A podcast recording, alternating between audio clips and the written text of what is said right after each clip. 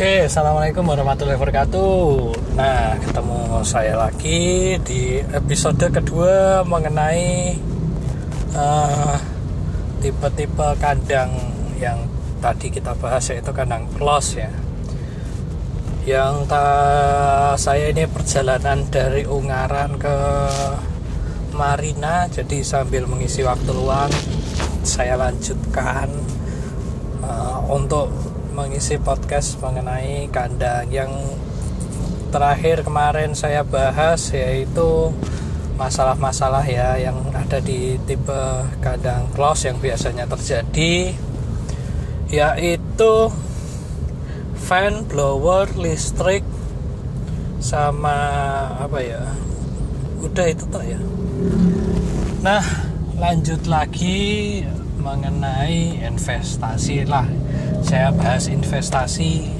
Kok kenapa investasi di kandang close house nah apa bagaimana sih bentuk investasinya kalau kita pengen usaha di kandang ayam close house ini? Nah kayak yang sering dilihat itu di jalan-jalan ada bangunan panjang belakangnya ada kipasnya kotak tok. Nah itu itu kandang close itu kandang yang isinya ayam populasinya macam-macam. Uh, tapi biasanya sih minimal sekitar 5000 5000 ekor itu kalau kandangnya sekitar 60 kali 10 atau 60 kali 12an itu segitulah. Uh, cara ngitung populasinya biasanya kita kalikan sesuai dengan yang nantinya akan kita panen. Contoh karena ayam makin besar itu kebutuhan apa luasnya kan berbeda dengan ayam yang kecil. Kalau kita panen penjarangan ya satu meter bisa diisi 15 dua kalau umpamanya kita mau panen di 1,6 1,7 ya satu meternya isi 13 12 kalau mau 2 kilo ya satu apa satu kandangnya isi 13 12 tanpa penjarangan itu biasanya bisa. Nah tinggal luas kandangnya nanti lebar kali panjang dikali rasio tersebut bisa 12 bisa 15 nah yang perlu dipersiapkan yaitu yang pertama ya tentu lahan. Lahan dulu. Lahan kita punya lahan kita buat surat perizinan. Uh, saya sih menyarankan untuk lahan itu di daerah yang uh, biasa ya nggak terlalu ekstrim dingin. Karena biaya untuk memanaskan udara dengan untuk mendinginkan udara itu lebih mahal biaya untuk memanaskan udara. Udara yang dingin dipanaskan itu perlu gas perlu panas yang bisa didapatkan dari gas dari solar yang macam-macam itu harganya itu mahal. Nah kalau udara biar dingin itu butuhnya kebanyakan cuma listrik air nah, makanya untuk menurunkan suhu itu biayanya lebih sedikit daripada untuk memanaskan suhu. Oleh karenanya pilih kandang yang biasa lah. Gak usah terlalu ekstrim. Yang kedua jangan lupa oh, daerah tersebut harus memiliki sumber air yang baik dan cukup. Nah kalau kurang baik itu masih bisa ditolerir karena posisi sumber air itu banyak kita bisa pakai filter Nah, banyak yang jual lah filter VRP kalau kita mungkin oh besinya tinggi, zat besinya tinggi kita pakai filter dengan kandungan zeolit, manganase green sand itu juga untuk mengurangi kadar besi. Oh, rada keruh berbau kita pakai filter dengan kandungan karbon itu bisa. Oh, kalau berkapur gimana? Ada itu nanti berkapur juga ada tapi kalau upamanya cukup itu nggak bisa ditolerir. Karena kalau nggak cukup ya wes harus pindah itu. Kalau nggak kita akan selalu berkutat dengan permasalahan air yang nggak cukup di kandang tersebut. Dan itu sangat membebani biaya karena airnya murah cuma solarnya untuk ngangkut mahal.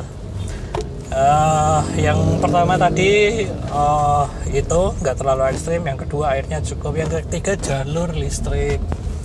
Jalur listrik itu ada dua jalur tiga fase dan satu fase. Jalur satu fase 220 volt tiga fase 380 volt. Tiga fase biasanya untuk pabrikan ya. Nah jalur listrik ini penting karena kalau posisi kita narik yang paling bagus apa uh, tempat kita ada jalur listrik tiga fasenya. Jadi kelas industri kalau lampu rumahan mati tiga fase itu jarang mati. Kalau rumahannya dayanya turun tiga fase itu dayanya tetap jarang bermasalah lah karena itu untuk tarafnya industri jadi jarang bermasalah. Tapi kalau nggak ada itu pun satu fase tapi jangan terlalu jauh dari trafonya. Karena kalau terlalu jauh kita narik kabel itu jauh narik kabel ya daya kemungkinan daya yang hilang juga tinggi ya. jadi yang di trafo 220 240 volt wah udah nih yang di sampai kandang itu nanti bisa 190 nah kalau udah kayak gitu wis pusing double. Uh, disertai dengan suara hujan ya karena posisi saat ini Semarang hujan kita tanggal 4 Februari 2021 nah itu yang kedua listrik. Nah listrik pun ada bermacam-macam. Kita harus tahu jadi listrik uh, untuk bisnis ada untuk industri itu uh, biayanya berbeda. Nah biasanya untuk pemasangan awal itu kita milih itu uh, kalau saran saya sudah milih ke listrik industri. Karena listrik industri biaya per KWH nya lebih murah daripada yang bisnis kelasnya. Itu ada subsidi pemerintah lumayan. Itu KCE bisa 80 120 persenan lah kira-kiranya loh ya Nek. Saya nggak salah itu lumayan. Nah itu yang dipilih listrik sumber air. Kalau upamanya tempat ya usahakan ya jauh dari pemukiman tapi nggak usah terlalu jauh lah.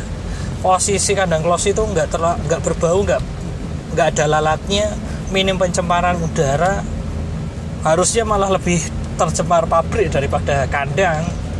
Wong pabrik itu zatnya kimia kandang itu bau tapi zatnya ya nggak berbahaya. Dan lingkungan itu senang daripada buang limbah tinta di sungai dengan buang kotoran di sungai kan sungai itu lebih senang kotoran karena akan lebih baik untuk uh, uh, hewan lainnya kan gitu. Ya intinya harusnya pencemaran untuk produksi kandang itu cuma bau tapi nggak berbahaya lah. Nah tempat nggak jauh dari pemukiman nah, usahakan tempatnya ya murah karena ibaratnya nanti kita juga pembelian tanah itu kan berpengaruh terhadap rancangan anggaran biaya kita.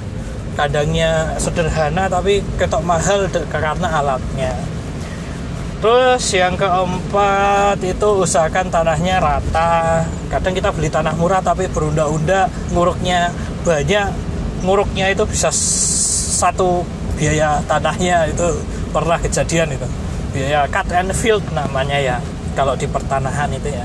Usahakan datar lah karena kalau nggak datar ya biaya. Kalaupun nggak datar ya bisa di cut and field nggak? Ada yang tinggi ada yang rendah kita bisa ratakan nggak usah beli tanah itu oke okay juga. Nah setelah itu pilihlah apa konsultan. Konsultan itu nggak harus berbiaya kok.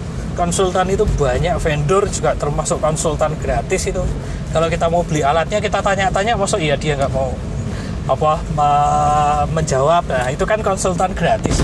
Dimanfaatkan vendor-vendor vendor kipas vendor peralatan yang akan kita beli dimanfaatkan pengetahuannya untuk menjadi konsultasi kita. Karena kalau kita belajar tanpa mentor ya banyak kejadian. Kadangnya rubuh posisi kata posisinya kurang kuat ada yang ketipu peralatannya ada yang ini ada yang ini ada yang banyak lah itu.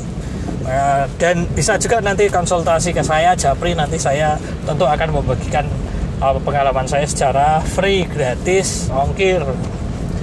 Nah ya peralatan pilih vendor peralatan yang bagus pilih uh, pilih material bangunan yang baik karena ini investasinya untuk jangka panjang.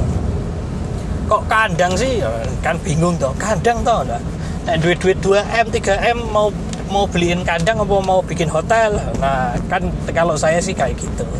2M bikin kandang lima tahun nutup. Habis lima tahun ke depan golek bati nih lah bikin hotel 20 tahun kali nutup ya. Nah itu nggak bisa dibandingkan sih. Cuma untuk saat sekarang ya kalau punya 2 5M 3M ya mending bikin kandang kalau menurut saya. Nah setelah kita mempunyai vendor nah kita tahu spesifikasinya ojo dinyang terlalu jeru. Nah itu ojo dinyang itu posisinya jangan kita nawar harga terlalu jauh lah karena spek itu akan mengikuti harga tawaran kita. Kamu apalagi kelistrikan. Wah janganlah kena kelistrikan jangan. Posisi jangan di nyang lah. Oh kelistrikan. Nanti RAB nya sekian. Minta sekian lah pak. Yang lebih murah. Wah kabelnya ganti yang kecil. Wah kontaktore untuk listriknya ganti. Yang tadinya 2 apa 20 ampere jadi berapa ampere toh. Wah ganti nanti gen apa kabel gensetnya ganti apa ganti apa. Ya bisa aja mau murah itu bisa tapi kayak kualitasnya akan turun dan itu bahaya. Apalagi listrik sama bangunan lah ya kipas kipas diganti gampang. Listrik instalasi ganti rodok mumet. Uh, karena kalau dia konslet yang harus semuanya kan. Bangunan ya nggak bisa ganti mau masa cor-coran ganti.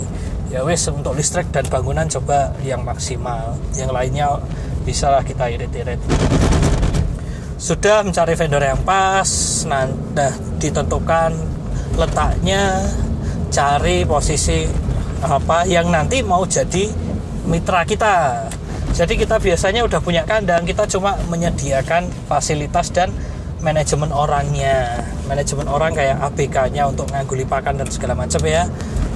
Itu toh. Nah, untuk DOC ayam kan butuh ayam itu nama yang kecil itu namanya DOC, day old chick. Jadi ayam umur satu hari, day hari old uh, usianya day old chick dan si usia satu hari jika anak ayam usia satu hari butuh itu untuk menggiring padang. Nah dia mau makan butuh pakan. Kalau sakit obat butuh obat. Nah paling vendor-vendor tersebut kalau mau panen dijual. Nah itu kan butuh vendor. Nah vendornya biasanya disediakan dengan sistem kerjasama. Nah kenapa kok aman dari corona? Karena ya kita posisinya piye carane hasilnya bagus itu karena harganya itu sudah dikontrak. Jadi contoh gini ayam itu kan harganya naik turun. 16.000 bisa per kilo 20.000 bisa per kilo 25.000 per kilo. Nah kalau kita ikut mitra harga itu ditentukan di awal jadi contoh harga sekarang oh, harga 17.000 tak waktu kita tanda tangan kontrak. Ya udah kalau kita jual ke mereka ya harganya 17.000 mau harga jualan 15.000 13.000 ya tetap nanti dealnya 17.000 tapi kalau harga tinggi 20.000 ya tetap dealnya 17.000 ya iyalah kemitraan kan mm, masa iya apa mau untung. Dari selisihnya itu kan untuk nembeli yang harga jelek. Kalau harga bagus untuk nembelin yang harga jelek kan gitu. Nah aman dari segi harga. Yang kedua dari segi piutang. Wah minim piutang macet karena piutang macet ditanggung sama intinya. Jadi yang kita ajak kerja sama. Contoh kalau kita bakulan daster daster sudah dibawa kita harus nagih. Nagih nggak 100% berhasil. Ada yang macet ada yang ini kita ada resiko macetnya. Nah kalau macetnya 10 ribu 20 ribu nggak masalah lah. Kalau macetnya 10 juta 20 juta sekali pengambilan kan nggak jadi kerja malah sibuk nagihin utang toh nah kalau kerjasama tersebut berarti kita bebas dari hutang. Apa-apa piutang dari bakulnya? Karena piutang bakul semuanya diambil resikonya oleh inti. Udah penak banget oh kita harus ayamnya udah bagus pasti hasil. Udah kita makanya usaha tersebut tidak terpengaruh dengan corona. KB usaha terpengaruh mau kita mitra mitra contoh mitra geprean geprek ayam ya. Lalu mitra tapi posisi penjualannya turun kan kita juga udah beli bahan baku. Kita rugi toh. Apa ya mitra ah mitra macam-macam lah. Kalau upamanya berhubungannya dengan konsumen yang belinya ya kita cari sendiri. Kalau pembelinya turun ya berarti kita yang nanggung resiko. Tapi kalau ini kita nggak nanggung resiko nah itulah segi-segi dalam bentuk apa kemitraan. Nah kebetulan saya sekarang berada di ke apa di Jawa Timur untuk menggarap uh, prospek bisnis yang seperti itu.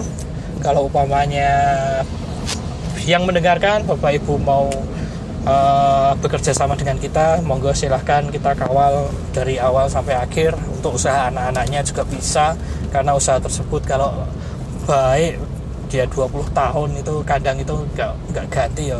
Masih bagus ya. Oke tinggal maintenance rutin uh, punya uang diinvestasikan. Investasi yang safe bagus. Jangan kita investasi yang kita nggak tahu. Kita nggak punya aset itu eman-eman lah. Kalau ini kan asetnya jelas kita investasi tanahnya punya kita peralatannya punya kita bangunannya punya kita.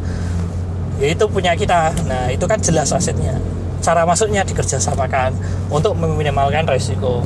Setelah kerjasama kok merasa pintar pengen berdiri sendiri pengen jualan sendiri ya nggak masalah itu nggak melanggar sistem kontrak karena kontrak itu biasanya cuma satu periode saja. Nah prospek bisnis ke depan ini akan seperti apa? Tentu akan baik karena gini ayam broiler itu kan ayam empuk kan. Generasi milenial kita ini kan makannya seneng ayam broiler empuk. Dikasih makan ayam kampung wih alot. Nah lambat laun itu generasi milenial kan tambah banyak. Uh, di piramida kependudukan itu nah, prospeknya tinggi. Konsumsi ayam per kapita di Indonesia itu rendah. Paling 20 kilo per kapita per tahun mungkin di tahun ini ya. Saya belum update lagi. Kemarin di 2016 itu berapa ya? Rata-ratanya 13 Jakarta udah 20 mungkin sekarang Indonesia menginjak di 20 kilo per kapita per tahun dan itu masih banyak bisa untuk besar lagi bisa. Malaysia saja sudah 50 kilo per kapita per tahun. Indonesia masih sekitar 20 masih bisa dua kali lipatnya dari ini. Nah makanya dari itu dan saya berkeyakinan selama orang Indonesia masih makan ayam ya pasti masih laku ayam tersebut. Karena sekarang udah nggak jadi kebutuhan yang mahal lagi ayam. Ayam itu protein kebutuhan yang uh, selalu bisa didapatkan di mana-mana. Konsumsinya tinggi. Produk hewani yang baik. Uh, udah investasi tersebut nanti intinya kita sudah membuat dan segala macam minta orang yang pas untuk berkonsultasi menentukan arah arah kegagalan kita sebenarnya. Bukan arah kegagalan ya karena kalau kita berinvestasi dengan yang salah kemungkinan gagalnya akan lebih tinggi. Dari awal harus disetting kalau usaha itu harus berhasil. Kalau udah disetting usaha itu ngirit untuk mendapatkan yang banyak lah wes itu udah. Pusing lagi itu pusing. Nah sekian paling dari saya untuk usaha kemitraan ini. Oh kalau ada yang menanyakan seperti apa sih usaha kemitraan ayam broiler inti plasma inti maklun itu seperti apa sih? Nanti bisa uh, lebih lanjut. Nah ada yang tanya kemarin itu apa ya pajaknya gimana pak?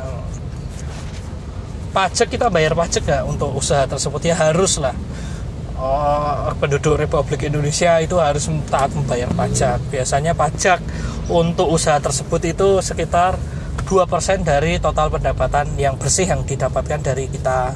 Itu biasanya langsung dipotongkan oleh perusahaan maklonya intinya maklon itu sama aja lah.